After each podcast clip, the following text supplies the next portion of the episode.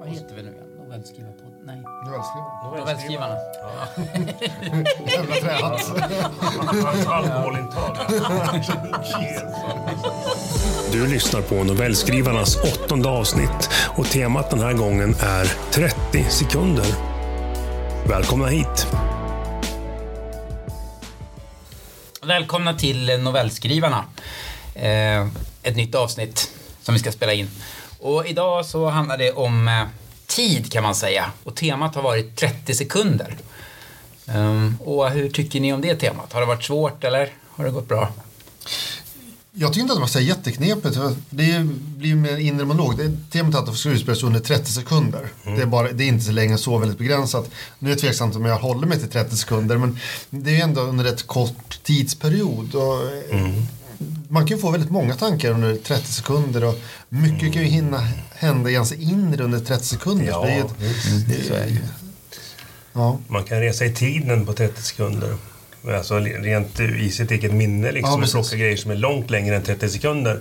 Eh, som man blåser upp såklart. Så att det, jag, jag, det det var den tanken jag fick nästan omedelbart. Att, att eh, det här behövs nog en typ av tankeresa. På något sätt tänkte jag. Eh, Så att, eh, ja, men jag, jag gillar det och det är faktiskt eh, ett, jag ska inte säga enklare, men ett av de ämnena, temana som jag har haft lättast för. Ja. Eh, faktiskt. Och det, jag hade trott att jag skulle skriva en, en snabb och stark skräcknovell, men shit, det var ju, en, det var ju ångestframkallande och jättesvårt. Och det här visste jag inte ens någonting om och det här visade sig vara lätt, så att jag tyckte det var häftigt att skriva om, om, om eh, 30 sekunder. Vad tyckte du då Lotta? Eh, ja, det som är lite roligt. Jo, men jag tyckte... Eller, eh, jag tyckte det var mellansvårt. Eh, lagom svårt. Eh, Men det som jag kom på mig själv, att det här är den kortaste novellen som jag har skrivit. Och när jag hade skrivit den då så funderade jag på om jag själv då hade omedvetet förhållit mig till 30 sekunder är inte så lång tid.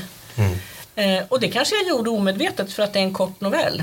Men jag vet inte. Jag, Ja, men, så kan det vara. Jag tror inte att det är helt dumt för att många av våra historier har blivit lite, egentligen lite långa att läsa upp. Så att det är inte helt dumt att vi drar ner på det lite grann i uppläsningen tror jag. Ja, nu, ble- ja, nu blev det ju eh, en, en eh, jag tror nästan en omedveten eh, kupering av längden för att... har ni också kortare än vad ni brukar Ja, men? Något kortare har Ja, jag. jag har mina ganska lång ändå. Eh, jag skulle nog säga att det, anledningen till att jag säger att det här var enklare, det var ju att jag, när jag stannade upp efter att jag hade skrivit en stund så hade jag en och en halv sida ganska omedelbart. Och det är ju ett tecken på att här rinner det på. Det är nästan tusen ord på bara en kort, kort stund. Mm.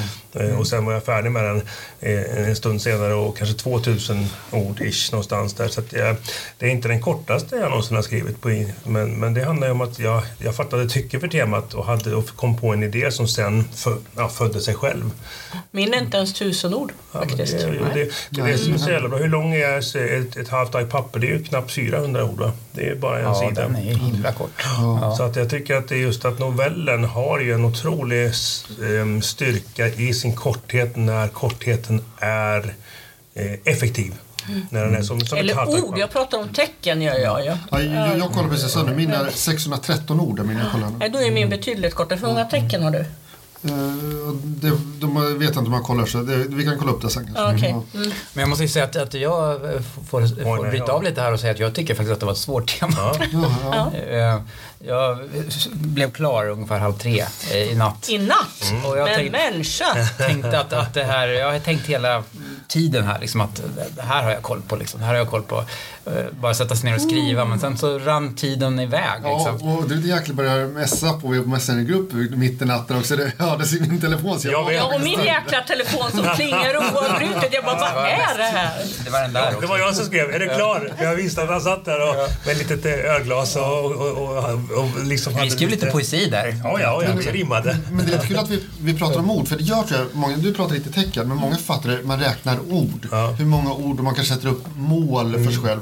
Jag brukar ha, när jag, när jag skriver ord brukar jag ha som mål att jag skriva minst 700 Men max tusen på en dag. För att. För att jag, jag ska ligga, för att går jag över tusen ord så vet jag att det är inte säkert att det blir bra. Men jag måste, och ska jag känna mig nöjd när jag ska ut 700 så jag har det spannet. För, så, Men det är lite så, spännande att du pratar ord, för vet ni varför jag pratar tecken? Nej. Ja, du jobbar som journalist Ja, jag jobbar som Ja, journalist ja, under många år ja, och där är det tecken, inte ord. Eh, Jag räknar nu. Jag, jag stannade på, efter redigering på 1370 ord. Och, och, och det är ändå liksom på... Jag vet inte, när jag kom hem eh, från eh, Nyköpings lokalrevy där jag hade varit med och gjort lite grejer. Eh, och då var klockan ändå 10 på kvällen. Och, sen behövde jag käka lite så jag satte mig ner vid datorn strax efter 11 någonstans. Så där någonstans så knödde jag in mina 1300 ord. Men- Men för våra lyssnare kan säga att en en normal roman ligger mellan 60 000 och 100 000 ord. Där Mm. ligger en vanlig roman som man har någon slags mm. spann. Och sen eh, episka dramer, då är det över 100 000 och så. Ja, Stephen King och liknande kan ju ha jättemånga. Ja, precis. I vissa genrer, fantasy drar iväg ofta Mm. längre och sådär. Och andra är korta. Men nu vill jag höra. Ja, Eller, vi kör. vi, Ja, vi kör. Vi börjar med Kör. Henrik. Ja. Ja, vi är åter, jag fortsätter med mitt projekt, vi är på 1300-talet ehm, och vi möter här nu eh, Björn som är far i huset här och hans hustru.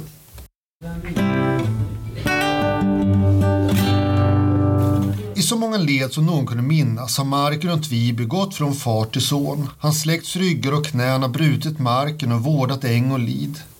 Skatten till fogde och kyrka må kosta mer än han tycker är rimligt, men han är en fri och självägande bonde. Björn har som plan att sälja den gamla oxen så fort de nya är inkörda. Oxen är fem år och kraftig, lydig och dragvillig. Egentligen så vill han och sen inte skiljas från öket. Det blir som goda vänner det senaste året. Det har varit som oxen väl kunnat läsa vilket humör han varit på och talat med honom genom blickar och sitt sakta mak genom att hjälpa Björn att utföra sitt arbete. Men de reda pengarna kommer mer än väl räcka till fogdens skatt och mer till. Aldrig förr har han haft så mycket reda pengar på fickan. Aldrig förr har det funnits så mycket bröd och kött på bordet. Han står själv kvar som ägare och husbonde för den åkermark som alldeles nyss försörjt tre stora familjer. Pest, död och sjukdom har gått som en lia över bygden.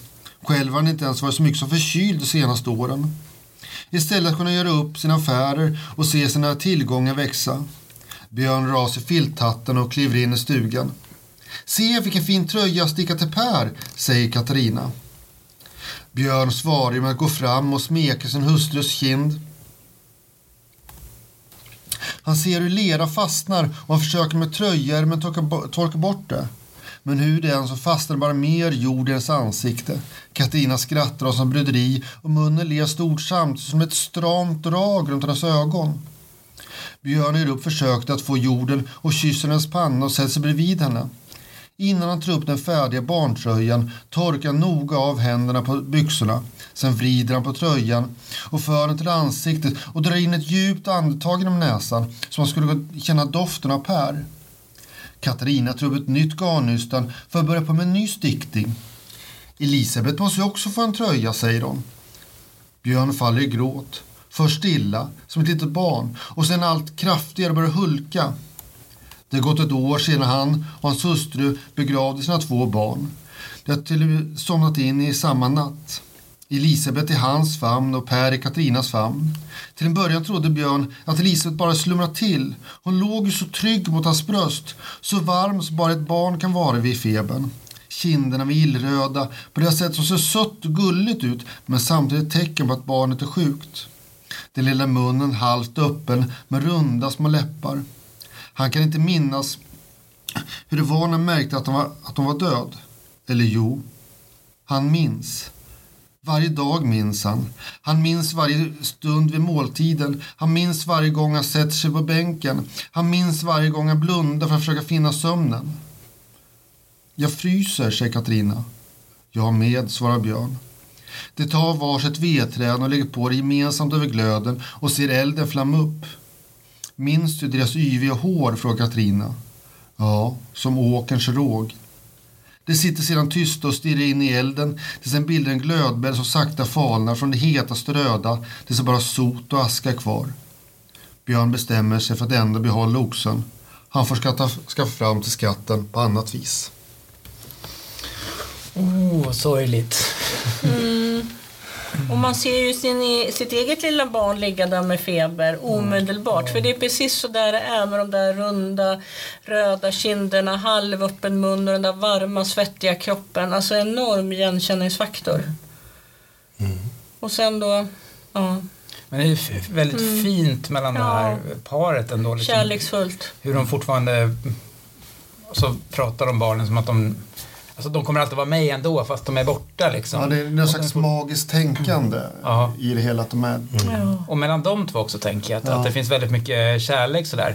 Det Så finns tack- ju ingen skuldbeläggelse. Nej, För det, det gör kan det ju uppstå att, att man försöker förklara det mm, som inte går att förklara, att barn tas bort, att man liksom skuldbelägger och det kommer in isighet mellan parterna och det gör det ju inte här. De är ju fortfarande väldigt kärleksfulla.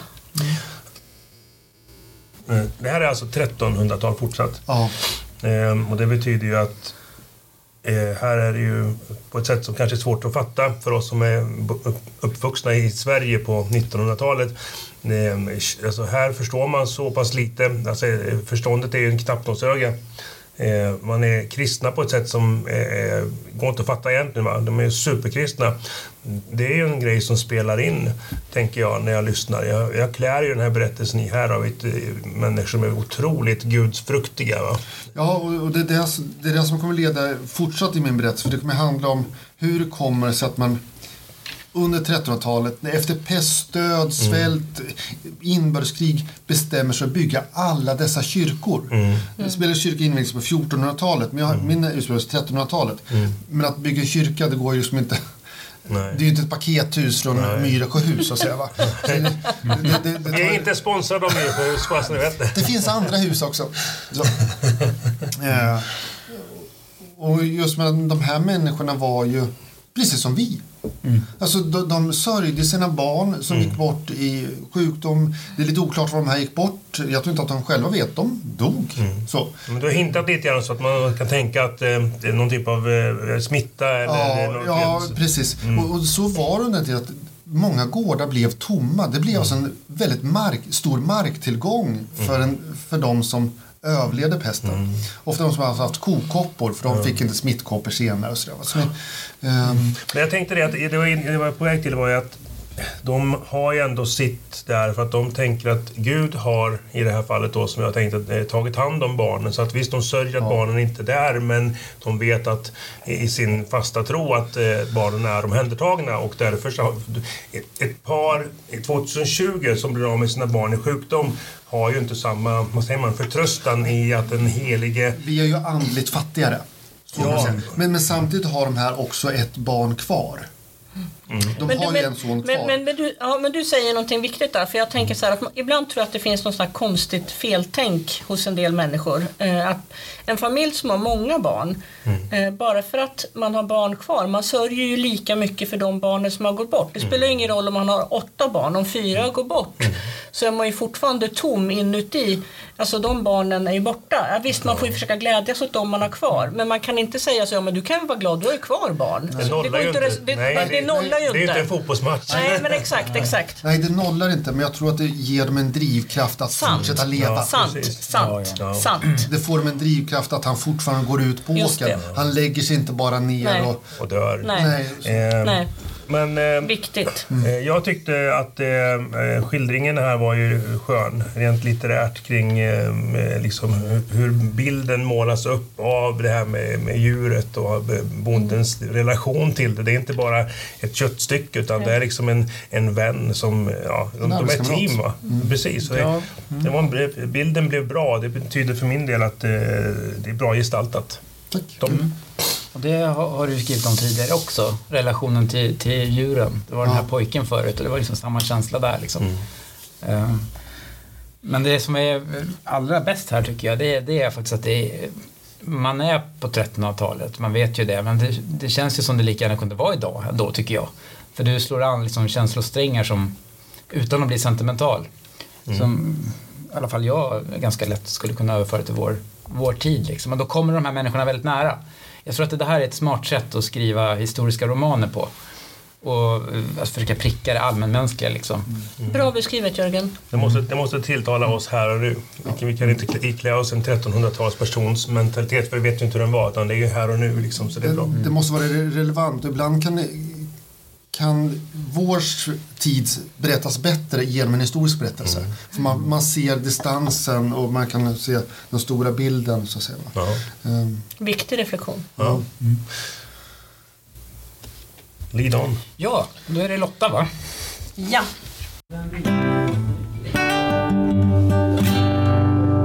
Trettio sekunder var allt som behövdes. Längre, än tid, längre tid än så behöver inte vassa ord. Jag vill skiljas, det här fungerar inte längre Julia. Adams ord, ord gjorde ont ända in i benmärgen. För en stund kändes det som om hjärtat slutade slå och jag blev alldeles vimmelkantig. Det var som om livet svissade förbi, svischade förbi mig i snabba, korta filmsekvenser. Jag såg Adams solfräkniga näsa framför mig den där första dagen jag såg honom på stranden. Den där sommardagen som hade varit så het att det knappt gick att andas och jag och min bästis hade åkt ut till vattnet för att söka lite svalka. På en grön och blårutig filt hade Adam och hans kompisar legat bredvid oss och när vi efter ett par timmar hade kommit i samspråk med dem hade jag genast känt en dragning till Adam. Han var lång och gänglig men hade ett underbart bus i blicken och så hade han de där fräknarna som täckte hela näsan och stora delar av hans kinder. Jag vet inte, men jag har alltid tyckt att fräknar livar upp ett ansikte. I mina ögon är de på något vis själva symbolen för hälsa och styrka. Den andra filmsekvensen som kom till mig var när jag uppe på Åreskutan berättade att jag var gravid och Adam vrålade ut sin lycka. Och i starka färger kom förstås också Johannes förlossning. Det hade gjort mindre ont att föda barn än vad jag hade räknat med. Så det, första, så det första jag hade sagt när Johannes hade lagts på mitt bröst var att jag ville ha fler barn. Adam hade skrattat och gråtit på samma gång när han sa att vi i alla fall kunde lugna oss en liten stund med fler barn. 30 sekunder och så hade de där filmklippen lösts upp. Samtidigt visste jag att Adam hade rätt. Våra 18 månader som gifta hade varit besvärliga. Visst var det påfrestande att ha en aktiv tvååring kring sig som slet på sömnen. Men det fanns annat som låg och skvalpade under ytan. Jag hade verkligen försökt att bygga familj precis i samma utsträckning som Adam hade gjort. Men någonstans hade våra ansträngningar misslyckats. Mitt liv verkade cirkla runt 30 sekunder. Det är en tidsrum som är så hiskeligt kort men som samtidigt kan ställa till en sådan oreda och förstörelse. Som när Johannes råkade hamna under vattenytan i sin badbalja och jag bara för en liten stund var ouppmärksam. Han hade varit blå i ansiktet när jag fick upp honom över ytan, men allt hade gått bra. Läkaren hade sagt att mer än 30 sekunder klarar inte så små barn att vara utan syre. 30 sekunder. Jag tittade upp mot de färgade fönstren som fläckvis släppte in den skarpa vårsolen. Om jag någonsin skulle skriva en biografi så skulle den få heta just 30 sekunder. Det behövs inte längre tid för att börja älska eller sluta älska. Den tiden räcker för att ge liv och för att ta liv. 30 sekunder, det var allt som nu stod mellan mig och alla kommande sekunder. Jag blundade kort och kunde känna liljekonvaljernas berusande doft. Min hjärna såg nu nya filmklipp som ännu inte hade hänt men som sakta fylldes av kärlek, skratt och en och annan tår. Men jag visste samtidigt att den doftande buketten som jag höll i mina svettiga händer också skulle skydda mig. 30 sekunder kvar. Jag vände mig mot Kitty och kände mig ens alldeles lugn. När prästen glädjestrålande förklarade oss för äkta makar och jag kunde kyssa min fru så kände jag mig absolut hel i både kropp och själ. Jag vet inte hur länge det anses passande att kyssa sin fru framför ett altare. Men min kyss varade länge. Minst i 30 sekunder. Mm.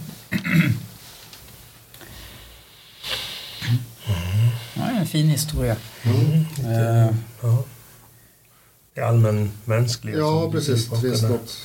Eh, de de här korta tidsperioderna som egentligen är riktigt viktiga i livet. Tänker jag på liksom att hon kommer tillbaka till det här med 30 sekunder.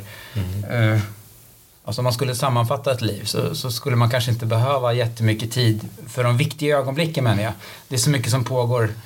Det var lite så jag tänkte. Det är så sådär. mycket brus runt omkring. Ja, men precis. Jag menar, så är 30 sekunder av klarhet eller Och det blir ju väldigt eller tydligt med, glädje. Alltså, ja. förlåt, det blir ju väldigt tydligt med det här när han hamnar under vattnet där. Och hon fick upp honom i tid men det kunde ju lika gärna varit så att hon hade varit ouppmärksam lite längre tid och det kanske hade varit kört liksom. Hur små marginaler det är. Och, och de 30 sekunderna i så fall skulle jag sabbat hela hennes liv. Så att det, det får du fram bra tycker jag. Alltså, de 30 sekunderna, alla andra sekunder framåt. Jag kommer inte ihåg exakt hur det var skrivet men det var rätt fint att, det, att ja, man, det är sekunder hela tiden så att säga. Det, Eh, Jag knyter an till Strindbergs Ett halvt papper här. Där det är en, en, ganska, ja, en 18 månader plus lite till som komprimeras ner på eh, ja, en och en halv A4. Så, Det det här är, ganska prick en och en halv A4. Ja. Inga liknelser i övrigt. Men så ett, och, ett och ett halvt ark papper. Nej, men det blir väldigt, det blir väldigt kondenserat. Det blir liksom komprimerat. Ja. Det är liksom, eh, men det är så mycket som, som berättas i det och det är ju i en publik som har barn eller har, och har liksom varit tillsammans med eller levt med och, och kanske gått skilda vägar så, så finns det ju... Alltså, man kan gå ner under ytan på många sätt i en berättelse som, som rör sig kring sånt som man har upplevt själv på några sätt. Typ, eh, det kan vara att man har läst eh, en tidningsartikel om ett barn som nästan har drunknat eh, samtidigt som man har haft eh, relation som har kraschat eh, och så vidare. Så det, är liksom, det är väldigt allmänt och det är väldigt enkelt att, komma in i det. Men känns den, eftersom det är den kortaste novellen jag skrivit, känns den onaturligt kort? Känns den liksom nej, nej, nej. konstigt Nej, kort nej, liksom? Jag tyckte det var lagom. Alltså den, den skulle kunna ha på säkert mm, alltså 100 sidor till och, och djupdykt i alla detaljerna men då blir det ju mer en roman, det blir en roman istället och det är ju inte det det här ska vara. Det här var en novell. Ehm, och en och en halv sida är liksom, då är det rappt. Och då, bör- då liksom, ja, jag tycker det är bra. Ja, jag tycker det är bra. Ja. Och det kanske just för uppläsning så är det ju kanske inte vara så mycket längre heller. Det, Nej. Nej, så länge man, så länge man har berättat klart, känner jag. ja, Det är det som är den stora grejen. Det säger jag till, till kidsen i, i plugget. Skriv klart. Sen oroar vi, oroar vi oss över längden om vi nu ska oroa oss alls. Men styr, strunta i längden. Skriv klart din berättelse. Få ur den. Får jag skriva en sida till? Ja, men skriv. Är du inte färdig, fortsätt. Sen kan vi se, kan vi ta bort något? Är det någonting som inte är nödvändigt? Men just nu så är allt du tänker, få ur dig det. Ja, För sen är det så när man är- går och redigerar då brukar jag säga att man, man stryker fram texten. Ja, Man, man har rätt många ord och sen så nu ska jag få fram texten så stryker man stryker, stryker, stryker, stryker så att texten kommer fram. Men då måste man ha skrivit hyggligt mycket text innan man kommer dit. Våra texter här nu är väldigt, väldigt råa än så länge. Det är det är råmanus vi Ja. håller på med här. Jag skulle komma, komma till det som en litet inlägg där i den, eh, det snacket. Eh, det här är ju för min del, alltså den redigering jag gjorde, den gjorde jag ju efter 01 i natt. När jag gick igenom och bara såg till så att jag inte hade för mycket som inte stämde överens med, med det som hände innan. För det jag gjorde några grejer, jag bytte någonting så här, jag kan fortfarande ha bommat det med att det var sent. Men, men liksom att det är väldigt det här, eh, min skulle jag nog kunna få ner till en sida eh, om jag skulle bearbeta den mycket för att den är lite, lite kantig och kanske ibland lite för berättande. För det är så märker jag det blir.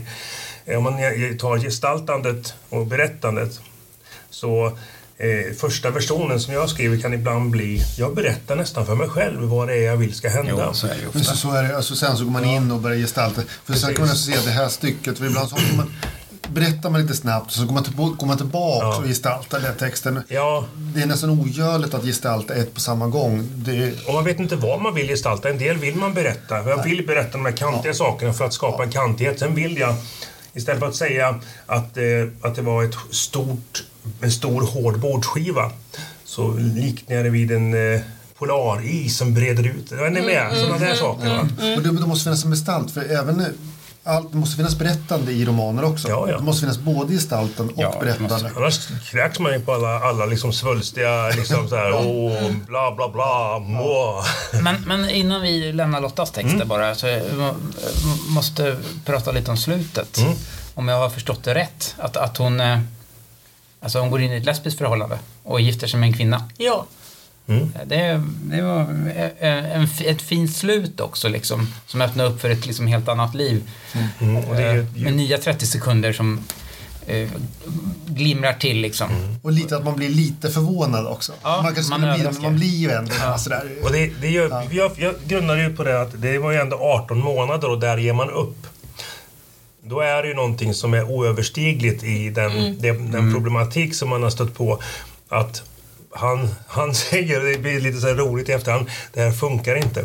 För att nej, det gör det inte för att jag är egentligen eh, lesbisk. Så att det är helt Annat korrekt. låg och skvalpade under ytan. står- Och jag vill ju inte, alltså ja, det var annat låg och skvalpa. Nej men så att förmodligen, eller jag vet inte, men Julia är väl kanske bisexuell.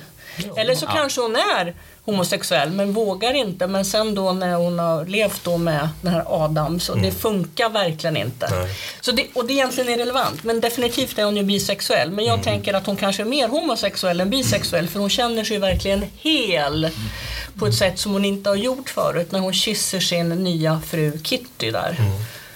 Eh, Härligt. Ja. men det blir liksom, ja men det precis. Då, då, då kommer en sån här liten nyckel som sen kan låsa upp tankar. Ja, in- som man förstår. Ja, Ja, ja, det är lite kul. Ja, Och sen det. finns faktiskt en tanke, när jag gifte mig då, ehm, ehm, jag kunde tänka mig att gifta mig borgerligt. Eh, Men min man han är troende och medlem i kyrkan så han sa det, om jag inte får gifta mig inför Gud och församlingen då, då är vi sambos. Och så går vi och skriver sådana juridiskt avtal och, och sånt. Men, men jag, jag tänker inte gifta mig om det inte blir i kyrkan.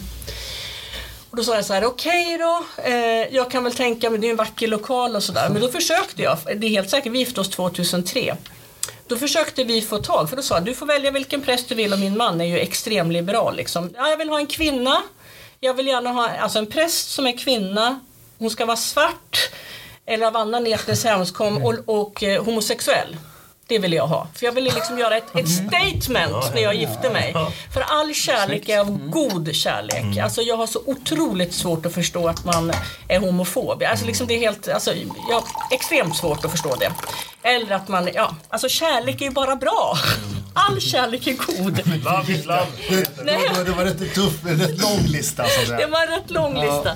Eh, jag lyckades faktiskt att få en kvinna. Men hon var vit och gift. Ja. Det var väldigt svårt. Men alla skrattade lite åt mitt försök. Men det, det gick inte. Men jag tänkte att det är tanken som räknas. Så är det ju. Gud såg in i mitt hjärta Ja, där att ja, jag ja. tänkte Ja, väl. ja. Prästyrket har väl börjat bli ett kvinnodominerat yrke. Verkligen, verkligen. Ja, ska vi kanske Ja. eh, gå vidare till eh, Magnus? Ja, 30 sekunder. Eh, då kör vi. Ja, nu får jag nästan göra så här. Man börjar få gubbögon. Eh, så att det går inte att hålla så här länge för då blir det så, man får hålla så här på lite på armlängds avstånd. Det är lite jobbigt. Jag ska tänka på det och kanske ta med mig datorn någon gång istället så det är lättare att läsa när man har datorskärm. Men i alla fall, 30 sekunder.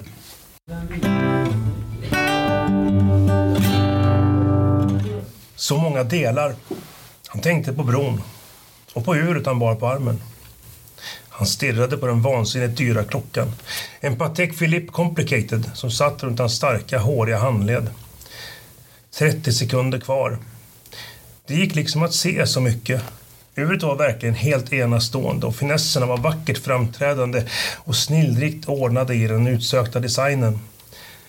Sekundvisaren flöt fram som i den finaste av oljor och längs med urtavlans ytterkant fanns namnen på flertalet stora städer skrivna i den finaste av stilar. Han lät blicken löpa runt och han njöt av varje bokstav. De var så vackra. I mitten av den fantastiska urtavlan fanns en karta som visade världen och de gyllene visarna angav stolt tiden till var och en av de namngivna städerna. Om de bara visste hur det funkade. Med blicken följde han sekundvisaren och förundrades över hur tiden kunde sakta ner som den precis hade gjort. Att så få sekunder kunde dras ut och kännas nästan eviga. Märkligt. Han justerade uret och noterade att armbandet såg lika fräscht ut nu som när han köpt klockan en månad tidigare. Han hade ändå burit det underverket runt sin handled dygnet runt i stort sett sedan dess och enbart tagit av den när han duschat eller tagit en simtur i poolen. Fascinerande. Framgången hade kommit snabbt, som en blixt från klar himmel kan man säga. Och han hade överrumplats fullständigt. Hur kan man någonsin vara förberedd på det han fått uppleva? Den första veckan hade appen han skapat köpts och laddats ner några hundra gånger och pengarna som kommit in hade täckt de utgifter han dragit på sig medan han arbetat med den. Och mot slutet av utvecklingsprocessen hade han varit tvungen att fejka sjukdom och stanna hemma från jobbet och sånt kostar. Det tog som tid att testa allt och snygga till koden, men det hade det varit värt. Den andra veckan tog det fart rejält. Från ena dagen till den andra hade appen köpts mer än 500 000 gånger och några dagar senare passerade han 5 miljoner strecket. Appen kostade bara en dollar att köpa och nedladdningen hade bara fortsatt. När köphetsen kring det lilla programmet han släppt lös landade i Nordamerika hade han varit tvungen att byta e-betalningsleverantör eftersom han den han dittills använt sig av inte klarade av att hantera transaktioner från länder utanför EU. Och när asiaterna börjat köpa appen hade ett litet enmansföretag plötsligt vuxit till ett femmannaföretag med revisor och kontor på en fin adress i Stockholms innerstad. På dörren bredvid hans kunde man läsa ett mycket välkänt svenskt familjenamn. Det hade gått så fort. Innan han hade slagits av idén till appen hade han levt ett enkelt liv. Efter några terminer på Kungliga Tekniska Högskolan hade han hoppat av och börjat jobba åt en liten IT-firma ute i Kista och tjänat hyfsat bra. Tillräckligt för att kunna köpa en tvårummare bara några minuter cykelväg från jobbet och en bra cykel och alla teknikprylar han kunde önska sig. Det hade tagit honom ett par år att komma på idén som skulle leda fram till skapandet av appen och det vore då inte fel att påstå att han hade haft roligare när han utvecklat sin app i smyg än han hade haft när han knackade kod för företaget. Mycket roligare. Chefen hade tittat konstigt på honom när han en tisdag före halloween hade bett om långledigt fram till nyår. Chefen hade tystnat och suttit med fingrarna tryckta mot den massiva bordsskivan av ek som om man förväntade sig att den unge mannen som nyss bett om långledigt under årets, årets mest hårdstressade period vilken sekund som helst skulle tala om för honom att det hela var ett skämt. Ett dåligt skämt. Men han hade inte sagt något mer och när det stod klart att ledigheten avslagits vände han på klacken och gick hem. Nästa dag hade han e-mailat administrationen och talat om att han hade feber och skulle bli borta ett tag. Under en hektisk vecka hade appen lanserats och även om man inte trodde att den skulle göra någon rik så hade han ändå förhoppningen om att den skulle bli populär. Om han bara hade vetat hur populär den skulle bli så hade han kanske aldrig färdigställt den. När de sista detaljerna ordnats och han visste att programmet var 100% redo att användas hällde han upp ett glas Dr Pepper i ett stort ölglas som han stulit nere på den lokala puben. Han var så nöjd över vad han åstadkommit att det skulle firas och när han firade något gjorde han det alltid tillsammans med Dr Pepper.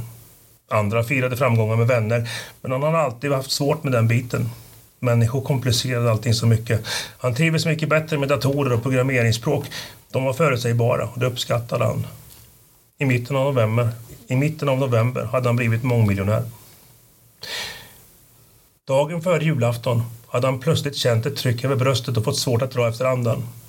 Han förstod att han drabbats av en panikattack och beslutet togs omedelbart. Han skickade sex sms, ett till sin revisor och fem till sina anställda i firman.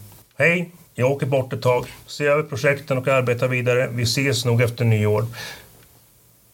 Slut. Som ung kodknackare i Kista hade han tagit sig fram på cykel och tunnelbana runt i stan. Tider förändras och vad som är sanning ena stunden kan förvandlas till något annat på ett ögonblick.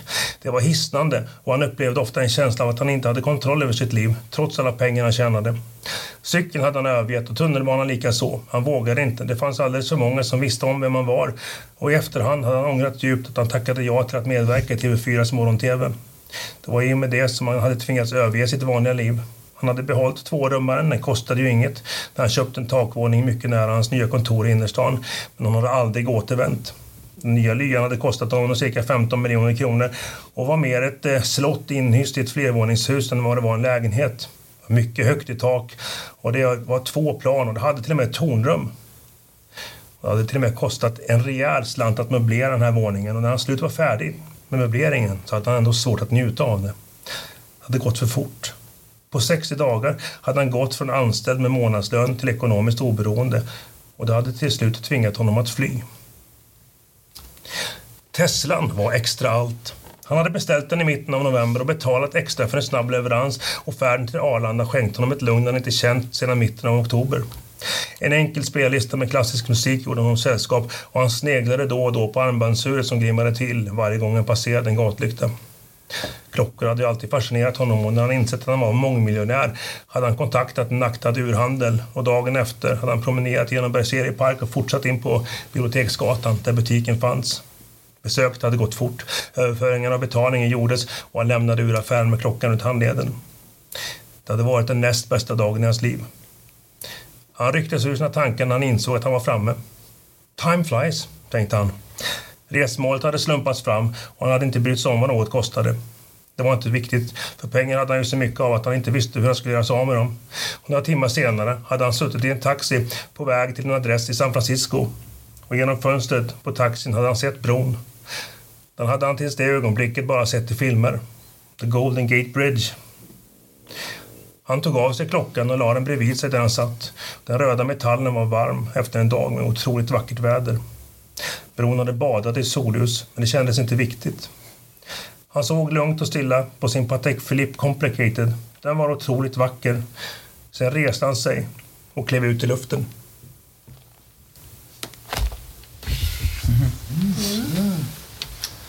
Precis, det där ja. Ja, för- Först lät det som en liten pojkdröm, så att säga. Man skapar någonting och blir mångmiljonär och pengarna rullar in, det går bra nu och sådär. Och sen insåg man att det här var ju inte... Nej. Ett Ja. steg ut, rakt ut bara. Jag tänkte på Avicii. Jag också. Fick jag upp i huvudet. Jaha, ja just ja. Jag också. Ja. Framgångarna blev... Var försiktig vad du önskar med. Ja. Ska- ja.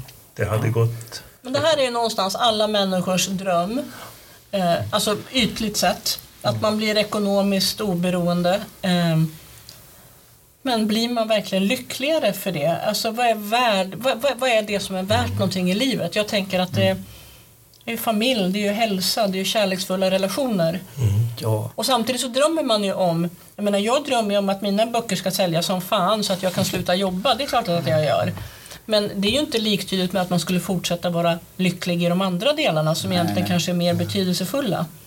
Så det här sätter verkligen fingret på det existentiella, existentiella på något sätt. Den här killen var nog lyckligare sagt när han fick cykla Ja. till sitt jobb och Ja. bo i sin tvåa Ja. och har... eh, Ja. Ja. Han, när, han, eh, när han köper eh, klockan och det där och gör, då är det hans näst lyckligaste dag i livet. Det är också en här markör. Den lyckligaste var när han satt på jobbet i, i Kista och fuljobbade fram sin app. Som han, då fick, han fick betalt för att göra någonting som, som han egentligen inte skulle göra. Och att han i, i det läget ehm, eh, insåg att det här är inte rätt väg att gå. Eh, sen så finns det massor under ytan som man skulle kunna eh, liksom, ja, skriva om och berätta om. just. Men eh, jag tänkte att ensamheten, för jag tyckte ändå att jag, jag klev in i att han, han firar ensam med ett glas läsk. Liksom. Det är det han gör, han har ingen, inga relationer. Nej, och det är det den här framgången eh, tvingar fram honom i ett rampljus som han inte klarar av och dit han inte egentligen vill.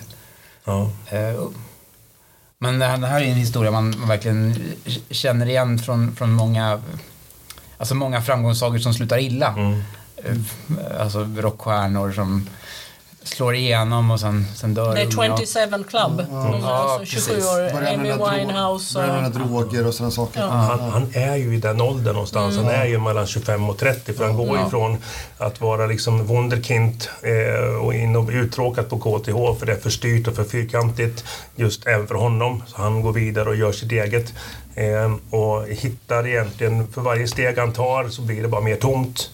När han hamnar i, i morgonsoffan och det fr- framgår att han då är en, eh, ja, en mångmiljonär som egentligen lite grann som Minecraft tänkte jag. I och med att när det här när det stegras, att han har 5 miljoner sålda, men det är bara så gånger 8. Okej, där har vi 40 miljoner. Och sen fortsätter det bara. Och sen så kommer det till Asien och då bara poff och sen fortsätter det. Det bara rullar på liksom. Är, Vet, ja, och vet du vem jag tänkte på också här nu? Det är ju Isabella Lövengrip. Ni vet ju hon den här influencern. Hon har ju också varit väldigt omtalad. Ja. Att, eh, eh, jag jag kan inte mycket om henne men det lilla som jag har läst om henne sådär. Eh, Att jätteframgångsrik och, och tjänat mångmiljon och haft lyxhus och det ena med det andra. Eh, och sen i morse när jag låg och sappade när jag skulle kliva upp så hade hon inte gått på Ellegalan igår. Nämen. Eller om det var förrgår. Nej, för jag orkar inte, jag mår dåligt. Och det är sån här gala som går på att visa upp sig den här Oh, ja. ytliga fasaden, vackra klänningar och så blir man årets influencer eller vad man nu blir. Ehm, och det betyder ju ingenting. Alltså hon har, verkar ha insett det. Hon har jagat på som en idiot liksom, efter ytliga framgångar. Och nu, eller jag känner, det låter som att jag känner henne, men det lilla som jag läst. Alltså, och det här tror jag vi som jobbar i skolans värld och träffar ungdomar, det här är någonting som jag brukar återkomma till. Ehm, Att det viktiga är ju att man försöker, man gör sitt bästa men att man försöker bibehålla en balans och att försöka må bra i det man har. Och det är svårt därför att det är ju sån hets med de här sociala medierna som finns. Det gäller att göra saker som känns som är, är meningsfulla. Exakt. Han köper ju lägenheten för, hittar på med 15 miljoner i Stockholms innerstad. Han, eh, den här klockan researchade jag fram lite snabbt. Den kostade en och en halv miljon och det var inte den dyraste klockan på långa vägar men den var ändå så pass dyr så att det ändå liksom det är en, eh, men det, det hjälper ju inte. Han möblerar lägenheten, det känns fortfarande inte bra. Han köper den här klockan, det är fortfarande inte det bästa som har hänt honom. Det, fin- det är bara tomhet. Han betalar för tomhet. Det, det, det finns ingen substans i inköpen. Han har en, en, en Tesla extra allt. Den, den kör han och ställer troligtvis den på långtidsparkeringen på Arlanda och skiter i den. För att han kan köpa en till sen. Eller han, det spelar liksom ingen roll. Vad ska han göra med, med sin tid och så vidare. Eh, sen- Tänk, och tänkte du på Avicii som Jörgen sa när du skrev den? För, för jag, jag tänkte också väldigt snabbt på det. Eh, Fanns han där? Eh, inte, inte, inte övermedvetna, men kanske i det undermedvetna. Men just den här när man drivs av... Sen vet man ju inte, det, i och med att det är en novell som är väldigt... Ja, även fast det är tredje person-ish så är det ju ändå liksom väldigt mycket tunnelseende. Vad händer? Han måste ju tänka, jag har gjort den här appen, jag måste göra fler appar. Pressen att skapa en till succé kommer. Eh, Han måste anställa folk. Han, helt plötsligt är han inte sig själv. Han har en revisor. Han har fem stycken människor han ansvarar för. Han gillar inte människor. De är komplicerade. De ska vabba, de ska göra ditten, de ska göra datten. Och han bara, nej men vad är det här? Vart har jag hamnat någonstans? Jag har suttit i morgonsoffan. Jag kan inte längre gå på stan för att de ser mig. Han kanske har ett säreget utseende så att han inte ens kan dölja sig. Det, det vet man ju inte. Det kan man utgå ifrån kanske, att han, han syns. Han blir som en Elon Musk för apparna, typ. Att han, "Hu, här, jag syns. På, han trycks upp på tidningsomslag och han blir liksom ifråntagen sin bubbla där han vill vara och göra små appar och vara i fred. Så att ehm, jag tänkte att han... han eh, ja. Meningen med livet, någonstans. ja. Men en sak som är väldigt intressant här och det är lite känsligt att prata om också kanske men jag upplever inte att han är så fruktansvärt olycklig när han har tagit beslutet att ta sitt liv. Nej. Inte ens liksom i ögonblicket där han hoppar. Mm. Eh, Det är nästan så att det känns som en befrielse f- för honom. Eh, Någonting som nästan framkallar någon sorts lycka de här sista timmarna. Mm. Det där det är ju ett beslut som, som ligger hos människan själv det där och ja, förstår ni vad jag är lite ute efter? Ja. Han är ju inte... Han kanske hade levt klart. Ja, han, han, han är en, en kodknackare. Han löser saker. Han hade löst klart. Det var, här blir det inget fler. Här blir det inget mer. Jag är färdig med, med det här livet. Inget konstigt. Klockan lämnar han kvar på bron. Han hoppar ut. Någon, någon hittar väl den och kanske blir lycklig av det. Vad vet jag. Eller så blåser den ner och landar i vattnet. Skitsamma. Inte känslomässigt lagd överhuvudtaget. Det är inte viktigt. Och märker han också, kanske i och med att han är väldigt intelligent i den här historien, så märker han också av att eh, det här bekommer mig inte. Jag, blir inte, jag får inte en ökad puls av mina framgångar. Jag blir bara uttråkad och, och desillusionerad när jag märker hur kallt allt är. Sen hade jag ju lite grann utanför igen då. När man tjänar mycket pengar snabbt så kommer det folk och säger hej, jag har en idé. Hej, vill du sponsra det här? Vill du vara med på det där? Och så vidare.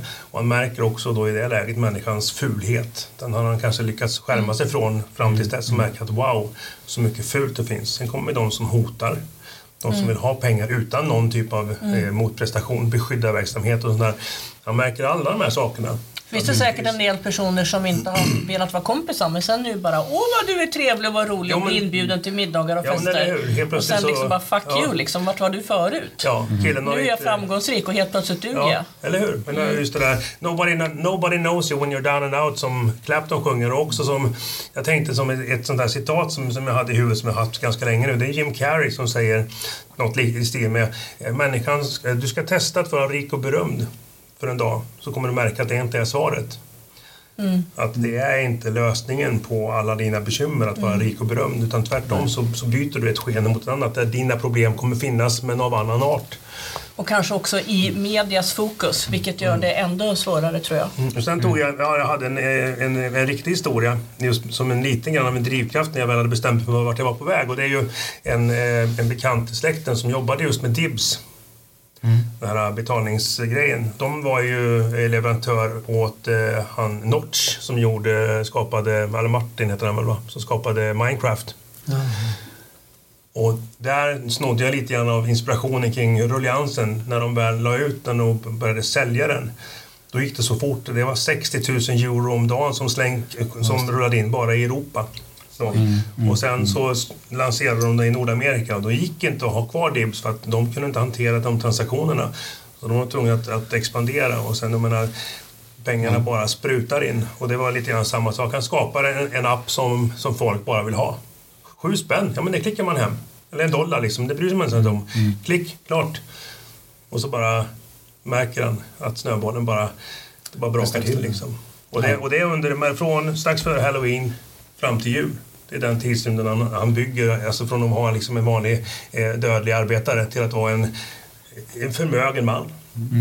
Det blir ju nästan som 30 sekunder, verkligen kopplat till temat. Ja, det, Alltså extremt kort tids. Ja. Ja, just det. och med den svindel han också råkar ut för. Att han har inte kontroll. Vad ska han göra? Jag, jag, vet inte vad jag ska göra liksom.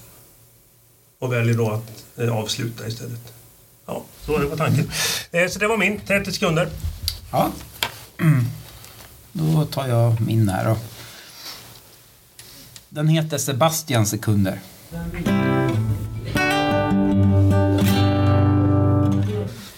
Sebastian sekunder. I alla människors liv så finns det en väldigt kort tidsperiod, kanske bara några sekunder, som är direkt avgörande för dem. Sekunder som formar framtiden, men som också omformar det förflutna. Det var hit de var på väg hela tiden.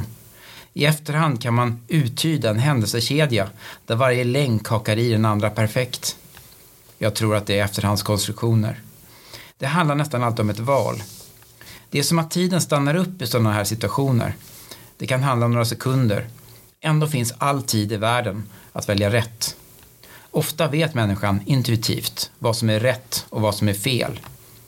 Ändå händer det ofta att de väljer fel. Det har jag märkt och det fascinerar mig. Trots att de i det ögonblicket vet att de kommer att få leva med det felaktiga beslutet resten av sina liv. Jag skulle kunna ge många exempel, men jag väljer att berätta om Sebastian och hans sekunder. Han sitter där ensam på uteplatsen. I sin svarta dunjacka blir han nästan ett med mörkret. Lamporna är släckta. Där inne dunkar musiken. Festen pågår för fullt och den har växlat upp till nästa nivå. Det är vinter och han ser ut över sjön. Det har varit varmt i en vecka nu, men isen ligger kvar. På andra sidan sjön ligger en liten ö, kanske 50 meter bort. Han hade en tanke att han skulle gå dit först för att få vara i fred. Sätta sig bakom berget som syns där borta och vänta ut att folk däckade så att han slapp prata med dem. Men sedan kom han att tänka på att isen kunde vara skör efter värmen och han hamnade i det här hörnet istället. Skulle vilja ta sig härifrån men stugan ligger en bra bit bort från alla kommunikationer. Han har inte körkort och bussarna, i den mån de ens går, har kört sin sista tur för länge sedan. Det var ett misstag att följa med hit. Men nu är han fast. Han råkar titta på klockan på sin mobil precis när dörren slås upp. Den är 00.23.14. Dörren slängs igen med en smäll och han hör snabba steg över golvplankorna. När hon går ner för trappan ser han vem det är. Jasmine. Hon märker inte att han sitter här. Precis som hon aldrig har märkt honom, var han än befinner sig. Men det måste ha hänt något. Hela hennes kroppsspråk skriker att något är fel. Hon går med snabba steg över gräsmattan, ut på bryggan. Hennes mörka, långa hår, som han så gärna vill dra fingrarna igenom, lukta på, borra in näsan i. Hon fortsätter ut på isen och han förstår att hon ska gå till ön. Det är helmåne i natt och han ser henne tydligt. Plötsligt brakar det till och hon försvinner. Det tar någon sekund innan han förstår vad som har hänt. Av någon anledning tittar han på klockan igen. 00.23.22. Sedan hör han hennes kvävda skrik. Det iskalla vattnet måste ha chockat henne, tagit rösten ifrån henne. Där inne dunkar musiken på som om ingenting hänt. Han förstår att han måste göra något, nu. Det går inte att vänta. Det finns ingen annan som sett, ingen annan som kan göra något. Och det är Jasmine, av alla människor är det Jasmin. 00.23.30.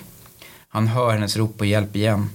Han tänker att det är fan att det ska vara så vindstilla som man hör allting härifrån. Trots musiken som dunkar på där inne. Men nu låter rösten ännu svagare. Han tycker sig till och med höra hur hon desperat försöker ta sig upp längs kanterna men hur isen brister ännu mer. Klockan är 00.23.35. Nu är det som att sekunderna stannar upp, går oändligt långsamt. Han kan fortfarande rusa upp, springa ner till henne och försöka få upp henne i sista stund. Eller rycka upp dörren och skrika att de ska ringa 112. Kanske skulle det fortfarande vara för sent. Han skulle i så fall ha skuldkänslor för sin tvekan resten av livet. Men han skulle också veta. Det var för sent, men jag försökte. Hon är säkert väldigt nedkyld nu.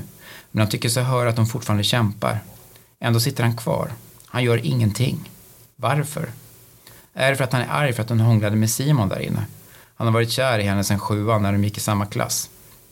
Han kom till den här festen bara för hennes skull. Så det skulle inte vara så konstigt om han kände sig illa behandlad. Eller är det för att han har druckit för mycket? Åh, vad han kommer att önska under åren som kommer att han hade druckit för mycket. Men han har bara druckit en halv öl. Han är inte det minsta påverkad. I resten av sitt liv kommer han att återvända till de här sekunderna. Ställa de här frågorna till sig själv om och om igen. Klockan är nu 00.23.44 och inte ett ljud hörs där nerifrån. Det är bara musiken som pumpar på, ostört ut i natten. Han reser sig, går fram till dörren, öppnar den, stänger den, går in och super skallen av sig. Hon saknades inte förrän nästa morgon. Någon såg vaken och de ringde 112. Polis och ambulans kom. De hittade ganska snabbt kroppen under isen. Den hade inte glidit iväg långt. Det visste jag, för det var ju där jag hämtade upp henne. De stod och grät och höll om varandra. Sebastian grät inte. Han hade en bakfylla från helvetet och försökte tvinga sig själv att inte minnas, inte minnas. Den stora syndabocken blev istället Simon. Människorna behöver en syndabock när något fruktansvärt hänt. Någon de kan skylla allt på och säga. Om det inte vore för Simon hade hon fortfarande levt. Vi har i alla fall ingen skuld i det här, men Simon. Det hade hänt något där i sovrummet som fått henne att rusa ut och inte tänka sig för. Det var bara hon och Simon som hade varit i det sovrummet. Pusselbitarna var lätta att lägga. Simon stod för sig själv en bit bort, utfryst och ond. Det räcker med 30 sekunder för att en människa ska gå sönder. Det kan räcka med en ännu kortare tid. Men innan allt hinner ifatt tar det sig ibland konstiga uttryck. Jag har sett det flera gånger. Simon slutförde sina studier och han gjorde det med bravur. Han blev närmast besatt av att få absoluta toppbetyg. Han handplockades av ett stort företag när utbildningen var klar och klättrade snabbt i hierarkin. Bara 30 år gammal var han VD för företaget, den yngsta de någonsin haft. Han visste hur man tog obekväma beslut. Han visste hur man drog in pengar. Det såg de andra och de beundrade och fruktade honom för det. Men ingen visste något om de sömnlösa nätterna där han kastade sig av och an i sängen och förbannade sig själv. Till en början visste ingen något om alkoholen, som först blev hans självmedicinering och räddning, men snart började suga ner honom i den där virven. Den där virven som började virvla för tio år sedan. Men det kom en dag när den där intensiva, smått hysteriska energin i honom började slockna. Då fanns alkoholen kvar. Och han dök ner i hierarkierna ännu snabbare än hade, än vad han hade klättrat upp i dem. De tyckte synd om honom först, gav honom fina men oviktiga positioner i företaget. Så småningom hade han straffat ut sig en gång för mycket. Han blev en föredetting som de inte ville ha något att göra med längre. När jag plockade honom från den där parkbänken var han 43 år. Men han såg ut som 70. Inte ens de andra A-lagarna ville ha något med honom att göra. Bara jag visste när han egentligen hade dött. Men inte ens jag vet riktigt varför. Mm. Ja, eh, ett, ett levnadsöde. Ja, verkligen. Med, med två bovar, eh, egentligen. Han som inget gör, som medvetet låter henne dö. Och han som sen... Ja, hans vars liv tar slut på samtidigt egentligen i det. Ja, Fast- bådas liv tar Ja, slut. på där och då. Ja. Samtidigt så tänker jag att det väcker också när ska man ingripa? Jag tänker på min, eh, den här berättelsen om eh, vinter, kallt, när de här flyktingarna kom. Ja, just det. Eh, Alltså, min tanke var så här att det är inte, risken finns ju att Sebastian också hade gått ner sig. Jag menar isen var ju så svag, du inledde ju med det. Och gå ut där då mörkt, eh, han är ganska ensam, man måste ju agera tämligen fort. Finns det någon sån här räddnings... eh, Vad heter det? Sån här, fl- sån här, som man har runt midjan, vad heter det? Livboj. Ja. Livboj, ja, det, ja. ja. Alltså, alltså jag bara försöker problematisera det lite. Det kunde ju ha blivit två som hade dött. Är det alltid rätt att gripa in? Samtidigt så kanske han hade kunnat ringa 112 själv. Alltså, det är, ja, alltså man vill ju säga att det alltid är rätt att, att gripa in. Eh, jag försöker inte gå till försvar, för det är klart han verkar ju ganska känslokall. Men någonstans så var det själv- kanske självbevarelsedrift också. Att Ja. inte gripa in. Hade du skrivit till det, att han våndades över sin egen säkerhet, det är lite grann ändå. Men han känns ju mest som att han, eh, han väljer att straffa henne.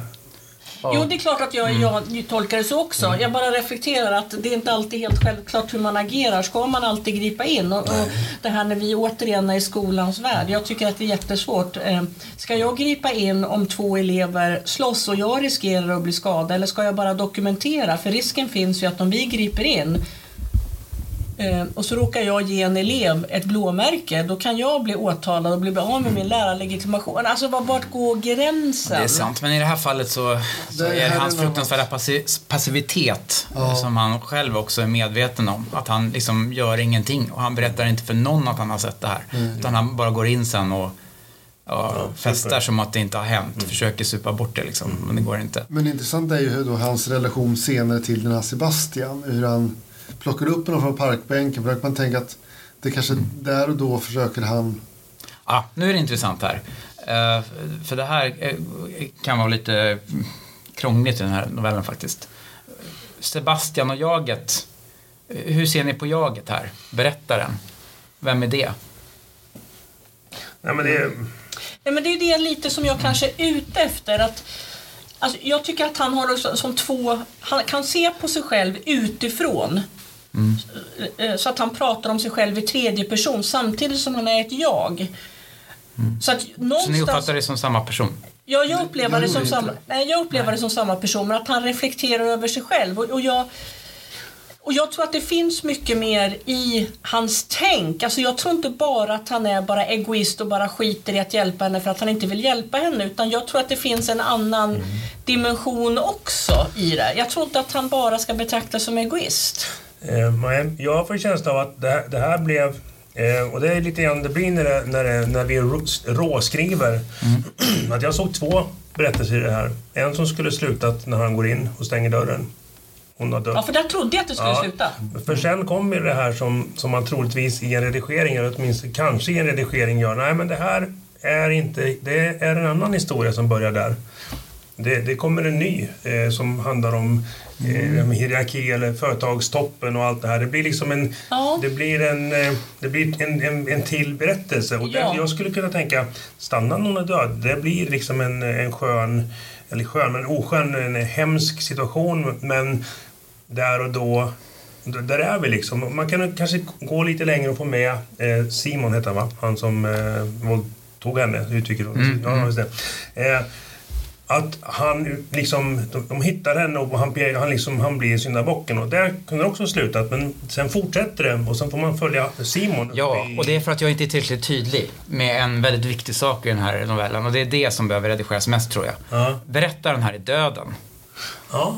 Det är, är, är döden som jag försöker få in det lite där i början att han, har, han vet ju alldeles för mycket det här jaget om, om saker och ting. Och det står lite att han hämtade upp henne under isen Ja, och sådana saker. Ja, Det här är inspirerat av boktjuven framförallt. Att, att ha själva döden som en berättare. Och, eh, Ja, det Det var inte klart för mig. Det var inte klart för mig. Nej, det måste göras tydligare. Det skulle du kunna liksom lägga in någon mer, en tydlig referens att han har varit och hämtat tidigare. Det fanns flera på festen som skulle hämtas inom kort men just nu är det, är det Jasmine och, och sen så börjar jag ta mått på, på, på Linus. Fast jag tror att den här novellen hade, som jag känner, den hade varit bäst om den hade slutat när han gick in och söp skallen i bitar. Ja. För då är det döden, sen, sen är det ju ingen död i resten. Då. Nej, så då kan man själv få reflektera över eh, de här personerna som var på festen. Eller som du säger Magnus, alltså att när han Simon står där och skäms ögonen ur sig. Eller slutat där. För det blir, det blir för mycket, tycker jag, just den här gången, lite lager på lager. Och plus att du då har ett perspektiv där som inte jag alls kopplade. Som är Nej, döden där, Nej. som, som berättare. och det verkar ju ingen av er ha gjort. Nej. Nej. Så, så att det, det är ju ganska Men jag tycker det är charmigt för det är så det blir. Jag hade också grejer som jag kände var liksom lite, lite väl under ytan som jag hade kan, kanske behövt lyfta fram. Men det kommer först i andra och tredje bearbetningen att man ser själv att det här har jag i huvudet men det finns inte på pappret. Jag måste in och lyfta fram det så att det syns. Men sen så måste det, fin- det måste finnas flera lager i en text. Där en del är uppenbart och andra är mer aha. Alltså, Ja. Det måste finnas. Och så att- antyda, annars så blir texten platt. Ja. Så man ska inte... Nej, jag vill nog ha kvar döden, men, Ja. men jag sk- ska skriva om den och göra det tydligare på något sätt. Men jag tycker att Simon som karaktär, när, när du fortsätter då när han blir så framgångsrik men ändå så väldigt olycklig och slutar på bänken. Det finns ju en koppling till... Med Sebastian. Mm. Jag tappar namn här nu. Vi, var- vi har... Simon eh, glimtade bara fram lite grann. Ja. Det är Ja, här nej, det är ju han som, Sebastian som, ner strular sig. Ja, med precis. Jasmin i sovrummet. Ja. Jag menar alltså att den här eh, som är så framgångsrik finns ju en koppling till din karaktär som hoppar, Jörgen. Att man är lycklig på ytan, men vad står det för? Eh, eh, och här går man ner sig i missbruk. Eh, Han går ner sig genom att hoppa så att säga. Ja, Mm. han går ner sig. Så, ja. Ja, ska du presentera nästa tema Ja, Henrik? men vad ty- hur tyckte du att vi hade löst det här med 30 sekunder? Ja. Du ska ju avrunda, det var ju ditt Jaha. tema Jörgen. Nej men det, det var ju alldeles utmärkt. Ni får, får högsta betyg här. Nej men det var ju på olika sätt vi hade löst det. Men man såg ändå likheter. Liksom. Eh, Kanske framförallt i våra två. Men också som det här med den här framgångssagan som det också fanns paralleller i. Eh, var ju Henrik som kanske eh, eh, stack ut mest att Ja, att det var en annan typ av historia. Men den, den funkade ju väldigt bra också. Så att jag är väldigt nöjd med hur ni har löst det här temat. Ja, härligt. Ehm, Det är ju så här nu innan, innan vi ska presentera nästa tema så att vi har ju eh, Jörgen här som har lite bråttom eh, att ta sig iväg till andra saker i livet. Så jag tänker att eh, vi avrundar lite snabbt, eh, eh, bara liksom eh, lite osedvanligt snabbt. Jag gillade temat, eh, det, det föll sig rätt bra eh, och jag ser fram emot nästa tema som Ja. då Henrik står för. Ja, nu ska vi gå bort från död, elände och eh, alla saker. Nästa, vecka, nästa gångs tema blir humor. Inte helt lätt, men nu ska vi... Äntligen! Ja, precis. Ja, Nu ska, buskis, nu jävlar ska det skämtas. Ska, Det finns mörk humor också. Ja, det, Ja. det, får vara buskis, det får Ja. vara underfundigt, Ja. det får vara vad som helst. Ja. Men ni ska försöka vara roliga. Ja, roliga. Härligt.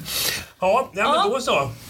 Tack för den här gången Ja, eller? tack ska ni ha. Det är alltid kul att ses. Vi stänger den. Eh, och ni som lyssnar, hur många ni nu är, tack. Vi hörs igen om ungefär ja, två veckor ungefär kanske. Och sånt. Ja, ha det gött! Hej, hej. Hej! Du har lyssnat på novellskrivarnas åttonde avsnitt där temat var 30 sekunder. Medverkande i podden är som vanligt Jörgen Leidebrand, Henrik Eriksson, Lotta Fagerholm och jag själv, Mange Edgarsson. Vi hörs igen om ett par veckor. Ha det gott! Ciao!